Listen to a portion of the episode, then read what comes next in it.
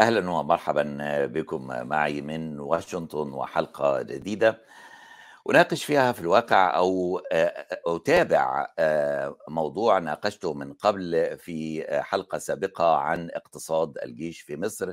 كانت مع دكتور يزيد صايغ وبوصفه متخصص في مجال الدور السياسي للجيوش العربية. في نهاية الحلقة كنت قد وعدت بأن يكون هناك متابعات متابعة للمقارنة مع دور الجيش في تركيا تقليديا الذي بدأ منذ 1960 بانقلابات عسكرية ودور الجيش في مصر وكيف خرج الجيش أو أخرج من السياسة وإن لم يكن قد خرج تماما من الاقتصاد ولكن بشروط مدنية وبرقابة مدنية. ربما أيضا في حلقة قادمة نناقش موضوع تشيلي وتجربة تشيلي في أمريكا اللاتينية وأيضا كيف خرج الجيش من السياسة فيها. لكن هذه المرة أتحدث عن هذه المقارنة بين النموذج المصري والنموذج التركي لكثير من المقاربات والتشابه بين البلدين وبين ظروفهما ليس من أقل من منها أن إحنا نتحدث في 1923 مرور 100 عام على الدستور المصري ومرور 100 عام على النظام الجمهوري في تركيا. وحقبة ظلت حقبة مدنية حتى لو كانت الحزب الواحد من 1923 ل 46 لكن حتى 1960 كانت حركة أو حياة مدنية. حتى جاء الضباط الصغار أو الضباط الشبان في تركيا والضباط الأحرار في مصر مصر 52 تركيا 1960 وماذا تم فيما بعد؟ وما هي الظروف التي أقنعت المؤسسة العسكرية التركية أن تترك السياسة؟ هذا ما أناقشه مع ضيفي في هذه الحلقة الذي له أكثر من كتاب حول هذا الموضوع. دكتور أحمد عبد ربه هو أستاذ بكلية العلاقات الدولية في جامعة دنفر بولاية كولورادو الأمريكية. حصل على الدكتوراه من اليابان في صنع القرار في دول شرق آسيا وله كتابات كثيرة حول هذه الموضوعات. لكنه تخصص أيضا في العلاقات المدنية العسكرية وله أكثر من كتاب. 2016 صدر له كتاب بالإنجليزية عن العلاقات المدنية العسكرية في الشرق الأوسط. مقارنة بين مصر وتركيا أو الدور السياسي للجيش في تركيا ومصر ثم في 2020 كان له كتاب آخر أوسع مجالا ليتحدث عن المقارنة أيضا بين البلدين ولكن في مجال العلاقات المدنية الأمنية أي التي لا تتوقف فقط عند الجيش بل عن باقي المؤسسات الأمنية في المجتمع. أرحب بك دكتور أحمد وسعيد بأن تكون معنا في هذه الحلقة. شكرا شكرا جزيلا أنا أسعد. ربما لو بدأنا من الناحية ال ال الأكاديمية شوية حتى يعني أنا أعرف انه قطاع من مشاهدينا لن يملوا أو لن يخرجوا بسرعة لمجرد سماع مقدمة إنه لماذا تهتمون بالجيش وكأنها مؤامرة أنتم تريدون أن تعرفوا الميزانية لأن هذه جواسيس ستبلغون عنها.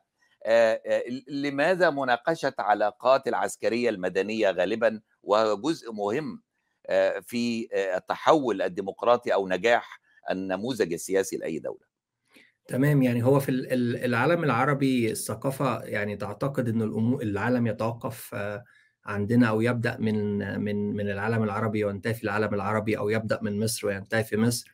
وبالتالي يعني هذه أمور طبعا غير صحيحة. الحديث عن العلاقات المدنية العسكرية سابق لحديثنا عن مصر أو تركيا أو دول الشرق الأوسط أو الدول العربية هو مجال من مجالات العلوم السياسية يعني يسمى مجال بيني يجمع بين الدراسات الأمنية والدراسات السياسية ويعتقد انه واحدة من أهم محددات التحول الديمقراطي هي أن يكون هناك سيطرة مدنية أو سيطرة سياسية على المؤسسات العسكرية والأمنية.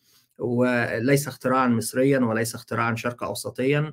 الدراسات بدأت بكثافة منذ أن تحولت إسبانيا إلى الحكم المدني بعد فترة الجنرال فرانكو. ثم دول أمريكا اللاتينية والتحولات اللي حدثت فيها. ثم بعد ذلك دول شرق شرق أوروبا وهكذا. فالحديث اولا هو ليس حديثا مصريا وليس حديثا عربيا هو حديثا عالميا ويعتقد يعني ينبع من اعتقاد أصيل أنا شخصيا مؤمن به إنه لا يمكن لدولة أن تتقدم من الناحيه الديمقراطيه ولا حتى من الناحية الحداثية إلا إذا حدث سيطرة أمنية سيطرة عفوا مدنية وسياسية على المؤسسات الأمنية ومن ضمنها طبعا المؤسسة العسكرية بما يحقق في النهاية وبعيدا عن أي كلام نظري يعني بما يحقق الهدف الأعم والهدف العام هو أن تبقى المؤسسات العسكرية والأمنية يعني تركز على مسألة الحفاظ على الأمن القومي ولا تنشغل بالسياسة ولا تنشغل بالاقتصاد بما قد يؤثر على أدوارها في حماية الأمن القومي. وبالتالي فهو فهي المسألة العكس تماما. يعني هو الحديث هنا ليس عن تفتيت المؤسسة العسكرية ولكن عن كيفية الحفاظ على وحدتها من أجل أن تقوم بدورها. دكتور أحمد بالنسبة للتجربة التركية نحن نتحدث عن استيلاء العسكريين أو الجيش على السلطة بشكل واضح يعني وش وش كما يقال 1960 ثم 1980 هناك مرحلتين هو أنه بيصدر إنذار لحل الحكومة والحكومة تنصاع 71 و97 لكن بعد 97 باستثناء محاولة فاشلة انقلابية ربما ليست الجنرالات التي قامت بها ضد أردوغان في 2016 لم الأمور اهتدت. ما السبب؟ هل هو الفشل في مواجهة الورقة مكافحة الإرهاب في البداية مع حزب العمال الكردستاني آآ ثم القبض على عبد الله أوجلان وبالتالي انتهت هذه الورقة. أم الاتحاد الأوروبي وانضمام تركيا للاتحاد الأوروبي باعتبار أن شرط للاتحاد وشرط لحلف شمال الأطلسي هو سيطرة المدنيين على العسكريين حتى في أمريكا يعني وزير الدفاع الأمريكي الذي يزور مصر في هذه الأيام اضطروا أن يحصلوا على موافقة من الكونجرس لأن خرج من الحياة المدنية خمس سنوات وليس سبعة كحد أدنى لوزير الدفاع أنه لابد أن يكون مدنيا. طبعا يعني اولا بالعودة إلى التجربة التركية ثم قد نعرج على التجربة الأمريكية لأنها أيضا تجربة ملهمة. فيما يتعلق بتركيا الحقيقة هو وجود الجيش في السياسة في تركيا حتى كان سابق على انقلاب 1960 اللي هو أول رسميا أو أول انقلاب في تاريخ تركيا. هو بدأ منذ انهيار الدولة العثمانية اللي إحنا بيمر تقريبا 100 عام على على وجودها بعد انهيار الدولة العثمانية اللي سيطر على السياسة هم كانوا بالأساس مجموعة من قادة الجيوش في تركيا وتحديدا مصطفى كمال أتاتورك وعصمه أونونو وغيرهم. هم كانوا من المؤسسة العسكرية لكن في نفس الوقت من اليوم الأول كانوا واضحين في أنه من أراد من المؤسسة العسكرية أن يخوض في السياسة عليه أن يستقيل تماما من المؤسسة العسكرية. وبعد ذلك كان هناك قانون شهير في 1926 وضع حد أدنى من السنوات التي يجب أن تفصل بين الخدمة العسكرية والخدمة السياسية بمعنى أنه إذا استقلت اليوم من المؤسسة العسكرية عليك أنك تنتظر عدد معين من السنوات قبل أن تخوض في العمل العام السياسي. لكن زي ما حضرتك قلت في 1960 كان التدخل الرسمي في السياسة من المؤسسة العسكرية ثم تكرر 1971 ثم 1980 ثم 1997 على اختلاف الأساليب هل هو تدخل عسكري بمعنى تحريك القوات في الشوارع ولا تدخل عسكري بمعنى إصدار إنذار للمؤسسات المدنية والسياسية. للإجابة على سؤال حضرتك أنا شايف إنه في في عنصر مهم بحسب دراستي وبحسب فهمي هو القناعات بتاعت الناس. في النهاية أي دولة حتى لو ديكتاتورية أو حتى لو سلطوية لا يمكن إن أنت تنفذ فيها انقلاب عسكري ناجح ما لم يكن هناك ترحيب شعبي ما بهذا الانقلاب.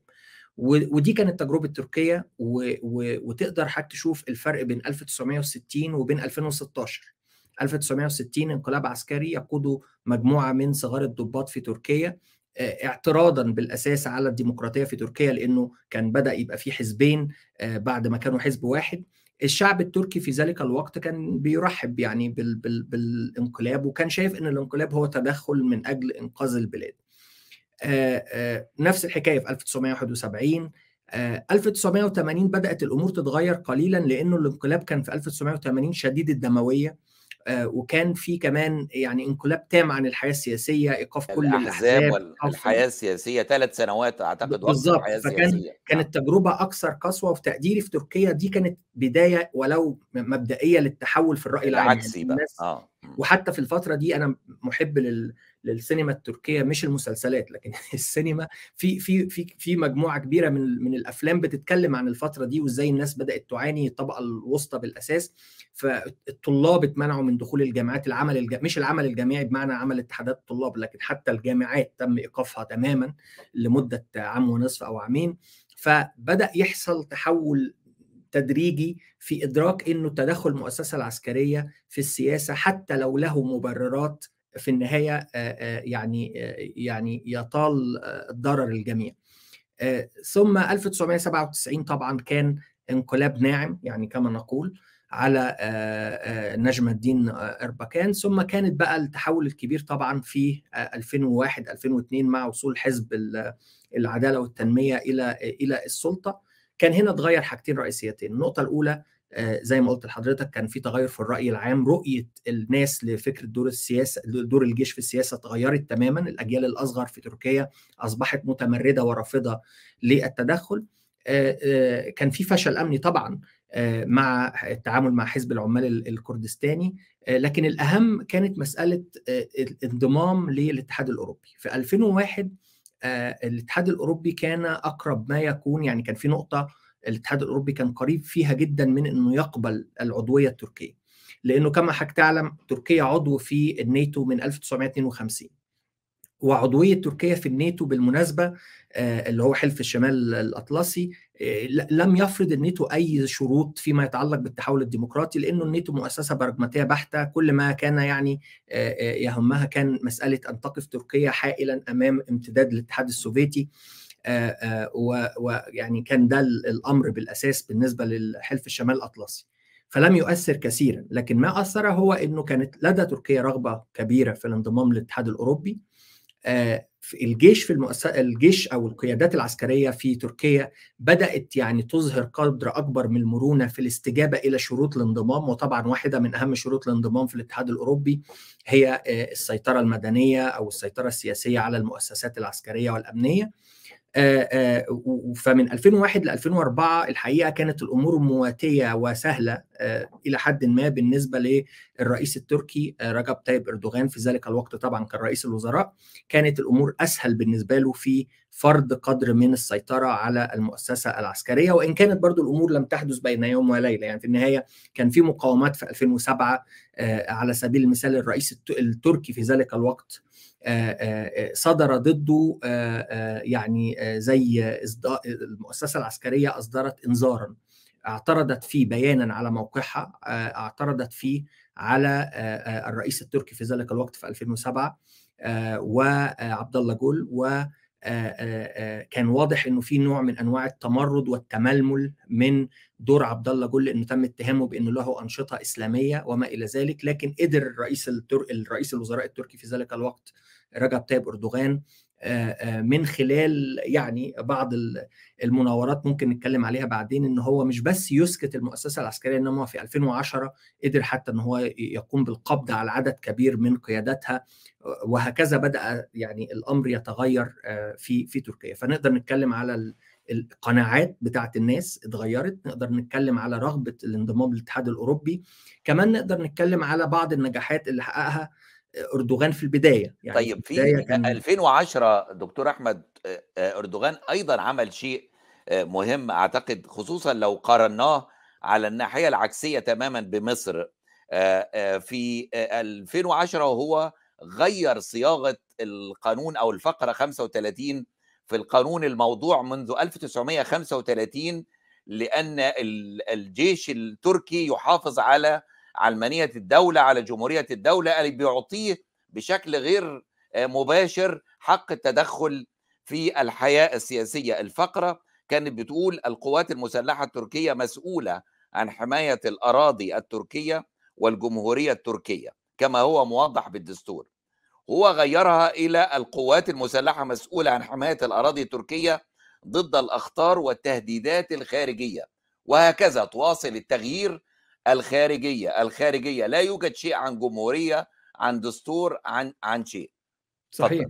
ال ال ال واحدة من أهم الصراعات في تركيا عبر تاريخ تركيا بين السياسيين المدنيين وبين العسكريين كانت مسألة تغيير الدستور. ما فعله أردوغان في 2010 هو كان عكس ما فعله الجيش التركي في 1960 لأنه لما أصدروا طبعا 1935 لكن أتحدث عن 1960 تحديدا لأن واحدة كانت من أهم المناورات أو الأدوات أو الكروت اللي استخدمها الجيش التركي من أجل فرض سيطرته على الحياة السياسية كانت الدستور انه أدخل تعديلات دستورية أو وضع الحقيقة دستور جديد للبلاد. في الدستور ده زود من صلاحيات المؤسسة العسكرية عن طريق أكثر من مادة منها مواد سمحت للجيش التركي بالتدخل تحت دعوة حماية العلمانية أو الكمال المبادئ الكمالية أو المبادئ أتاتورك. منها زيادة زيادة كبيرة في دور مجلس الدفاع الوطني وفي دور مجلس الأمن القومي بما فيها حتى زيادة عدد الموظفين العسكريين على حساب الموظفين المدنيين حتى بتكلم على الموظفين يعني مش بس أعضاء المجلس. و 1971 مع كل انقلاب عسكري يقوم بالجيش التركي كان يلجأ إلى هذه المناورة إنه يذهب إلى الدستور ويقوم بإدخال تعديلات طبعا بشكل يعني بشكل قصري يعني مش مش بشكل ديمقراطي يعني تتيح له مزيد من السيطرة ثم ينسحب من الحياة السياسية طبعا انسحاب شكلي تاركا دستورا في النهاية يعني يعني يعضد من الحكم العسكري وهكذا. فما فعله رجب طيب أردوغان هو كان إنه لجأ للحل العكسي في 2010 طبعا بدأت التعديلات في 2007 ثم تعديلات أخرى في 2010 وبدا إنه يغير كل هذه الأمور زي ما حضرتك أشرت. مش بس إنه يخلي الجيش التركي بيركز على الشأن الخارجي لكن إنه حتى يغير في تكوين مجلس الدفاع الوطني وتكوين مجلس الأمن القومي اللي هم المجلسين اللي استخدمهم الجيش على مدار أكثر من 40 سنة في السيطرة على السياسة التركية. فهو بدأ يغير أخرجهم من مجلسين مهمين وهو المجلس الأعلى للتعليم والمجلس الأعلى للإذاعة والتلفزيون ده ده ده بالإضافة للمجلس نعم. بالظبط يعني قصدي بالإضافة للمجلس ألو... مجلس الدفاع القومي ومجلس الأمن الوطني اخرجوا من باقي المجالس اللي كانت بتتحكم في باقي مفاصل الحياة باقي مفاصل الحياة التركية طيب. نعم. وهنا بدأت بدأنا نتكلم حتى بشكل أكاديمي على نجاح إردوغان في فرض ما نسميه السيطرة المدنية طيب. لأنه هي دي كانت ده كان الاختبار يعني ده كان الاختبار الحقيقي لو بنتحدث عن المقارنة دكتور أحمد آآ آآ كما ذكرنا عن مصر ننظر إلى التعديل الدستوري الذي حصل في مصر دستور 2014 كان المادة 200 بتقول فيه في الفقرة الأولى القوات المسلحة ملك للشعب مهمتها حماية البلاد والحفاظ على أمنها وسلامة أراضيها والدولة وحدها هي التي تنشئ هذه القوات و و و.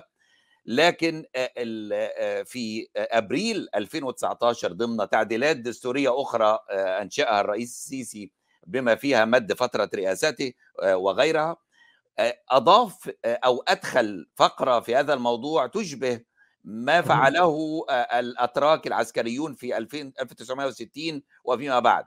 التعديل في أبريل 2019 في مصر بيقول أضيف عبارة وصون الدستور والديمقراطية والحفاظ على المقومات الأساسية للدولة ومدنيتها ومكتسبات الشعب وحقوق وحريات الأفراد. هذا يعني حتى يعني مراحل بعيدة عن ما كتب في الدستور التركي صحيح وهذا هو التشابه وهذه هي خلينا نقول الردة بقى مقارنة بالحالة التركية طبعا. يعني المادة 200 في 2014 كانت صياغتها معقولة بالنسبة لي لأنه فكرة التأكيد على أنه لا ينشئ قوات مسلحة سوى المؤسسة العسكرية ده, ده شيء مفهوم في أي دولة حديثة يعني. لكن في 2019 طبعا بكل تأكيد التعديلات كانت في النهاية بتعيد توجيه دور الجيش إلى ال إلى ال إلى الشأن الداخلي. فالحفاظ على الديمقراطية هي كلها ألفاظ طبعا مقبولة من حيث المبدأ لكن في النهاية كيف تحافظ على الديمقراطية؟ الجيش أعطى لنفسه في مصر وهو ما كان الحال عليه في تركيا وفي غيرها من دول أمريكا اللاتينية يعني حسب ما فهمت ان حضرتك في حلقة قادمة قد تناقش التجربة التشيلية. هتلاقي تشابهات في حتة إنه الجيش يعطي لنفسه الحق أن يكون هو الوصي على مسألة تعريف الديمقراطية ومتى تكون الديمقراطية في خطر أو أو أو أو, أو لا. فطبعا للأسف يعني هذا في الحالة في الحالة المصرية هذا تراجع واضح يعني تراجع واضح عن المكتسبات ولو حتى كانت جزئية أو أو أو بسيطة اللي كانت في دستور 2012 وحتى دستور 2014 بشكل أو بآخر يعني اللي هو في اللي هو في حد ذاته تعديل لدستور 2012 لكن مع المادة 200 في 2019 طبعا هو كانت تقدر تقول رجعتنا لتركيا 1935 بلا مبالغة يعني. الجانب الآخر من يقول لك انظروا ماذا فعل أيضا أردوغان بالتدخل في الدستور والتغييرات. استغل المحاولة الانقلاب الفاشلة أو كما سماها في 2016 لمجموعة فتح الله جولن لكي يمرر الكثير بما فيها إنه لم يكتفي بإنه رئيس وزراء منذ عام 2002 في 2017 يغير نظام الدولة من نظام برلماني أي رئيس الوزراء هو من يحكم إلى نظام جمهوري. ليصبح هو جمهوري حتى 2029 لو لو فاز هذا العام يعني 2029 و2030 في الدستور المصري التعديلات ليست بعيدة. صحيح. هو في هنا نقطتين الحقيقة هامتين. النقطة الأولى نبتدي بالأول بالنظام البرلماني والنظام الجمهوري ثم ثم نعود إلى فكرة ما فعله رجب طيب إردوغان استغلالا لمحاوله الانقلاب الفاشلة في 2016 فيما يتعلق بالنظام البرلماني والنظام الجمهوري الحقيقة الموضوع ده في تركيا كان موضوع يعني مهم بالنسبة للباحثين لأنه واحدة من الأمور اللي لجأ إليها الدولة التركيه بدأت بالأساس كنظام رئاسي بحيث إنه مثلا مصطفى كمال أتاتورك كان يجمع بين رئاسة الوزراء واحيانا رئاسة الوزراء أو كان يعطي رئاسة الوزراء لشخص آخر لكن في النهاية يحتفظ هو بالسلطات الأهم فتقدر تقول إن هو كان بشكل أو بآخر نظام رئاسي.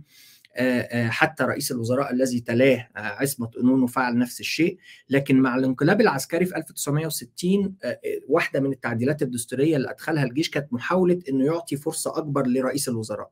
وبالتالي الجيش تقدر تقول أن هي كانت لعبة القط والفار بين المؤسسة المؤسسات المدنية والسياسية وبين المؤسسة العسكرية. الجيش لجأ إلى محاولة إضعاف النظام الرئاسي في تركيا وجعل النظام يعني برلماني من أجل إنه يتحكم في السياسة التركية. فما فعله رجب طيب إردوغان إنه ان هو يعني زي ما قلت حضرتك لعبة القط والفار إن هو أعاد النظام الرئاسي وأصبح يحتفظ بمنصبي يعني الرئيس ورئيس الوزراء أو بمعنى آخر يعني إنه رئيس الوزراء لم يعد هو الشخص الأهم في تركيا.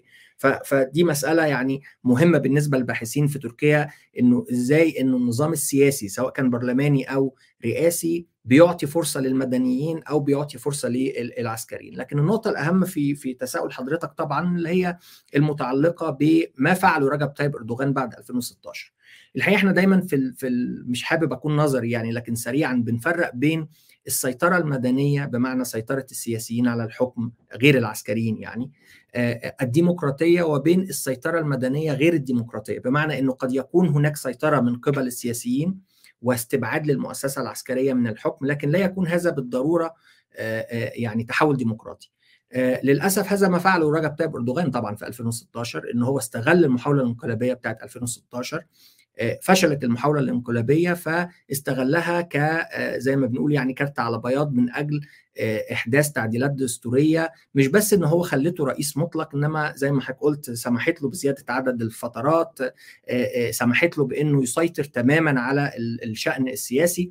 ف من 2016 حتى الآن التجربة التركية ما نقدرش نقول إنها تجربة ملهمة.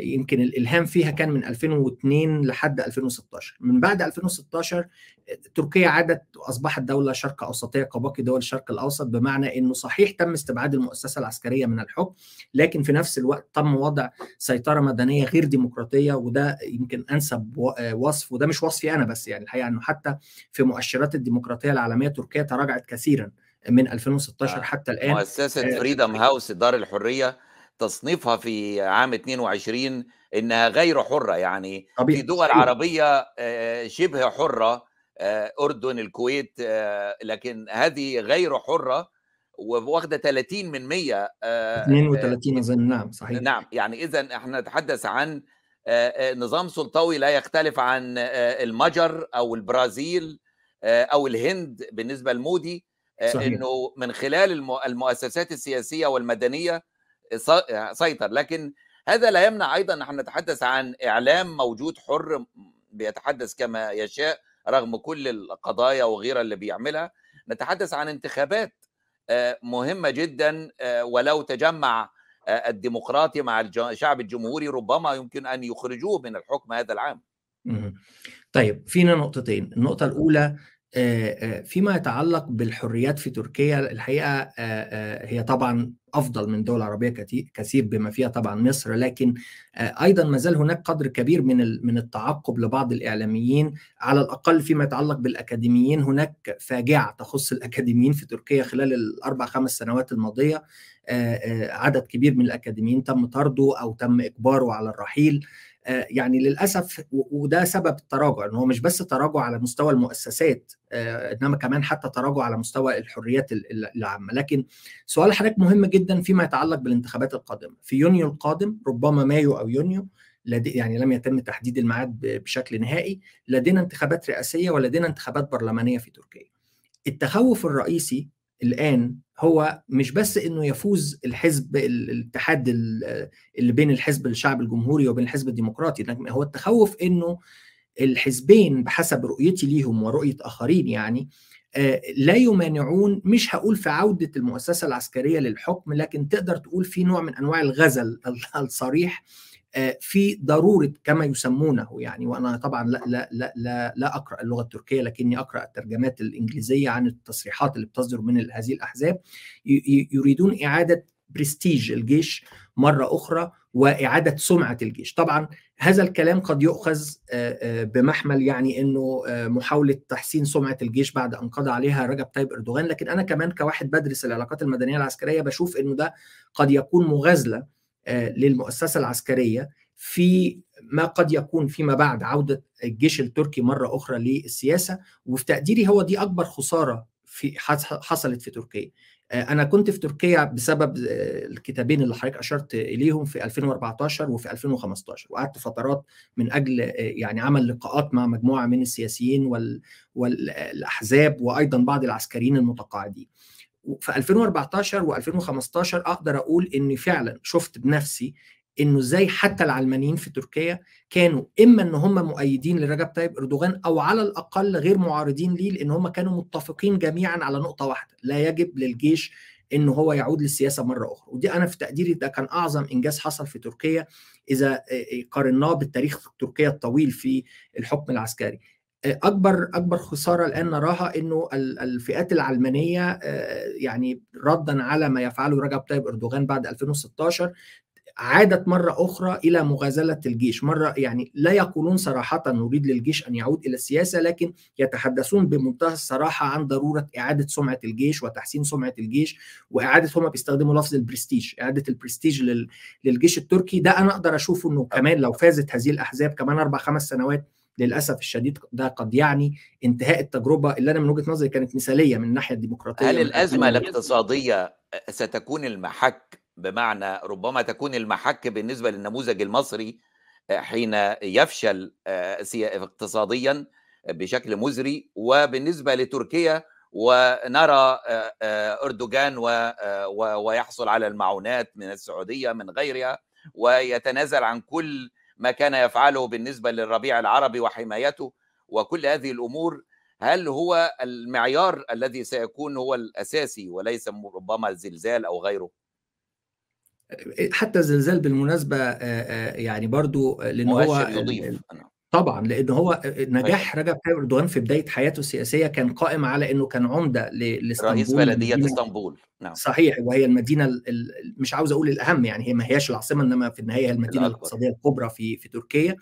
وكان كان قايم على فكرة نجاحه في القضاء على الفساد في تصريحات البناء ونظافة المدينة إلى آخره. فطبعا الناس بتقارن بين ما كان عليه الوضع في 2001 2002 وبين ما أصبح عليه الوضع الآن في 2023 لكن نعود للشأن الاقتصادي. الحقيقة الشأن الاقتصادي خصم كتير من رجب طيب إردوغان ومن رصيده منذ 2014 حتى الآن لأنه التجربة التنموية التركية اللي كانت ناجحة بشكل كبير بدأت تتراجع. لكن في تقديري الشخصي كان يستطيع الشعب التركي وخصوصا الفئات العلمانية في الشعب التركي وهي فئات كثيرة كانت تستطيع يعني أن تتقبل الأوضاع لو إنه رجب طيب إردوغان لديه سياسة مختلفة في الحكم. فالجانب الاقتصادي بجانب الجانب الاقصائي اللي هو بيتبعه في السياسة أنا بعتقد العاملين دول هيحددوا بشكل كبير من يفوز بالانتخابات التركية في مايو ويونيو هذا العام يعني بعد أقل من ثلاث شهور تقريبا. ووقتها الحقيقة هيبقى مهم نشوف بعد كده بالعودة يعني إلى دور الجيش هل سيعود الجيش فعلا إلى السياسة مرة أخرى؟ وهل عودته هتعني إنهاء التجربة الديمقراطية التركية أم لا؟ لم يخرج خرج من السياسة لكن من الاقتصاد الخروج ربما كأنه صفقة نتحدث عن صندوق التقاعد العسكري أوياك التركي وهو نتكلم عن شركات قابضة لها دور رهيب جدا في الملكيات وفي الشركات التي لها إدارة لها ما الفارق بين أن يترك دور للجيش أو أو استثمار في الاقتصاد وبين النموذج الذي يريده صندوق النقد الدولي أو لديه مشكلة مع مصر فيها. نعم. الاوياك طبعا صندوق التقاعد العسكري هو اسم يعني اسم غير حقيقي. يعني لا يعبر عن حقيقة الأمور لأنه صندوق معاشات عسكري يعطي الانطباع وكأنه يعني استثمارات بهدف جلب أموال للصرف على المتقاعدين العسكريين. طبعا الأمور في تركيا غير ذلك. الحقيقة رجب طيب أردوغان لما وصل للسلطة عمل صفقة نقدر نقول مع المؤسسة العسكرية كان إنها تسيب الشأن السياسي في مقابل إن هي تحتفظ ببعض الأنشطة الاقتصادية وتحديدا الصندوق اللي هو معروف باسم أوياك. واوياك بالمناسبة هو يعني مؤسسة إمبراطورية اقتصادية كبيرة تضم ثمان شركات قابضة كبرى تستثمر تقريبا في كل شيء بما فيها حتى السيارات وبما فيها الأسمنت والحديد. يعني هناك تشابهات كبيرة بين الحالة المصرية وبين الحالة التركية فيما يتعلق بحجم الاستثمارات. لكن الفارق الرئيسي طبعا إنه إردوغان كان واحد من شروطه إنه يعني هذه الاموال التي يتم ضخها في الاقتصاد التركي من خلال المؤسسة العسكرية تخضع لتدقيقات حسابية وإنه في النهاية ما عندهمش حكاية الرقم الواحد في الموازنة بحيث ما نعرفش التفاصيل لأ التفاصيل لازم تكون معروفة إلى آخره. الجيش في تركيا ما زال يتمتع بهذه المميزات الكبرى من الناحية الاقتصادية لم يفقدها. كما قلت ما فقدوا فقط هو مسألة الشفافية. بالعودة بقى للحالة المصرية الفروق كبيرة طبعا. التشابه هو هذا يعني هذه الاستثمارات الكبرى في الشأن الاقتصادي إنما الفارق إنه الجيش في مصر لديه استثمارات رسمية وأخرى غير رسمية. يعني هي المشكلة مش بس في الأنشطة الاقتصادية إنما هو ما هو رسمي والتفرقة بين ما هو رسمي وما هو غير رسمي. ثم طبعا فكرة الشفافية ودي اللي بيركز عليها صندوق النقد الدولي إلى أي مدى حتى لو سمح للجيش هناك جيوش كثيرة يعني يسمح لها بأنها تستثمر اقتصاديا لكن إلى أي مدى يمكن أن أن تبقى هذه الحسابات سرية أو غير معلن عنها أو غير مفنطة غير يعني أو صناديق لا تدخل في ميزانية الدولة. نعم هو ده الجيش التركي. الحقيقة إن الجيش التركي على الرغم من انتقاداتي الشديدة يعني لرجب طيب أردوغان لكن في النهاية الجيش التركي واستثماراته تدخل في ميزانية الدولة ولا تدخل كرقم واحد لأن دي نقطة مهمة لأن كلمة رقم واحد بمعنى إنك تديني الرقم النهائي لكن ما تقوليش التفاصيل بتاعة الرقم ده كانت إزاي. إنما في الحالة التركية هذه زي الولايات المتحدة الأمريكية وزي غيرها إنه أي أنشطة عسكرية واستثمارات للجيش سواء في شؤون اقتصادية عسكرية أو أو أو مدنية كما هو الحال في تركيا تدخل في ميزانية الدولة، معنى إنها تدخل في ميزانية الدولة نقطتين مهمتين عشان برضو الناس تبقى فاهمة هو ليه ده مهم. الأمر ملوش علاقة ب... ب... بإن إحنا نخترق خصوصية أو نخترق سرية بالعكس يعني في النهاية حضرتك تقدر تدخل على موقع وزارة الدفاع الأمريكية وتعرف كل الأرقام اللي حضرتك عاوزها سواء كنت عايش في واشنطن ولا في كولورادو ولا في مصر ولا في الهند. وبالتالي الأمر له علاقة بشفافية تخدم الدولة لأن ده معناه إنه بتدفع ضرائب على هذه الأنشطة. ده معناه إنك بتحمي حقوق العمالة اللي بتشتغل لأنه بعض منها مدني والبعض منها عسكري. ده معناه كمان تقدر تعمل تقييم لدور الجيوش في مسألة التنمية ودي مسألة أخرى أنا أعلم إن الوقت يعني ربما لن يسعنا لكن دور الجيش في مسألة التنمية في جيوش كثيرة تقول كما هو الحال في مصر وكما هو الحال في تركيا وفي دول عربية كثيرة الجيش يقول أنا أقوم بدور في عملية تنمية المجتمعات.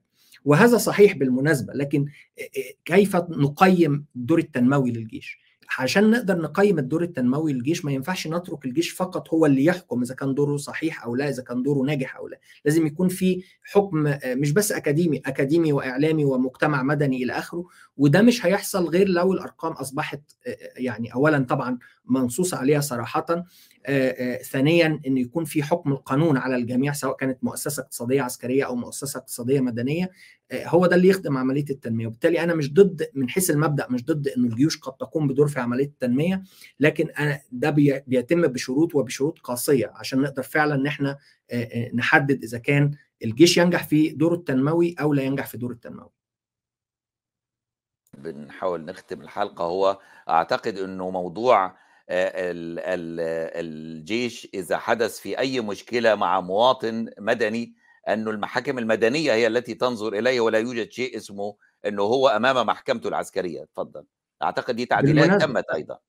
في 2010 في تركيا كانت واحدة من أهم التعديلات قبل أن يتراجع طبعا إردوغان عن تجربته الديمقراطية لكن في عز التجربة الديمقراطية التركية كانت واحدة من أهم إنجازات إردوغان إنه إنه حاكم العسكريين اللي اتهمهم في قضية قضية مؤامرة ما في 2007 حاكمهم أمام أمام محاكم مدنية. وهنا كان ال... كانت المفارقة. يعني إنه مش بس إنه المدنيين لا يحاكمون أمام محاكم عسكرية لكن إنه العسكريين تم محاكمتهم أمام محكا... محاكم مدنية في 2010 و2011 و2012 في تركيا. فطبعا دي مسألة مسألة أخرى يعني من المسائل اللي دايما هي بتشكل المحك بين متى نقول أن هناك سيطرة وهذا النموذج الأمريكي أيضا. نعم. وده النموذج الأمريكي مختلف لسبب بسيط لأنه لديه تقاليد بقى قديمة في هذه المسألة إنه وده ومهم إن حضرتك سألت هذا السؤال أنا بحاول برضو ما يعني أختم عشان الوقت بتاع حضرتك لكن دايما مثلا نسمع يقول لك والله طب ما الرئيس ريجن كان جاي من خدم في الجيش ما الرئيس كارتر كان خدم في الجيش مش عارف ما الرئيس أيزنهاور آه أيزنهاور آه وهنا بقى دي مسألة النزع نزع السياق يعني إنه إنه صحيح طبعا كارتر كان يخدم في الجيش وعدد كبير من الرؤساء الأمريكيين خدم حتى بايدن الآن يعني في جزء من حياته كان في المؤسسة العسكرية لكن في فرق بين إنه يكون خدم في جزء من حياته في المؤسسة العسكرية ثم خرج ودخل غمار الحياة السياسية من من أول بقى إنه يكون نائب في ولاية حتى يكون نائب في حزب ثم والى آخره يعني طيب. وبين إنه يخرج من المؤسسة العسكرية مباشرة ليتولى منصب سياسي. أيزنهاور أيزنهاور خرج من قيادة قوات الحلفاء في الحرب العالمية الثانية ليصبح رئيس جامعة جامعة كولومبيا التي لدينا الآن فيها مصرية نفخر بها رئيسة لها لأول مرة سيدة. شكرا جزيلا لك دكتور أحمد عبد ربه الأستاذ بكلية كورب العلاقات الدولية في جامعة دنفر بولاية كولورادو الأمريكية ومؤلف العديد من الكتب عن العلاقات العسكرية المدنية والأمنية المدنية مقارنات بين دول الشرق الأوسط. إلى اللقاء في موضوع آخر. وأيضا سنتابع موضوع التحول الديمقراطي وسيطرة المدنيين على الشؤون الدولة و المقارنات بين النموذج التركي ناقشناه. هناك أيضا نموذج تشيلي في أمريكا اللاتينية بعد الجنرال بينوشي فإلى اللقاء. مع تحياتي. حافظ الميراثي.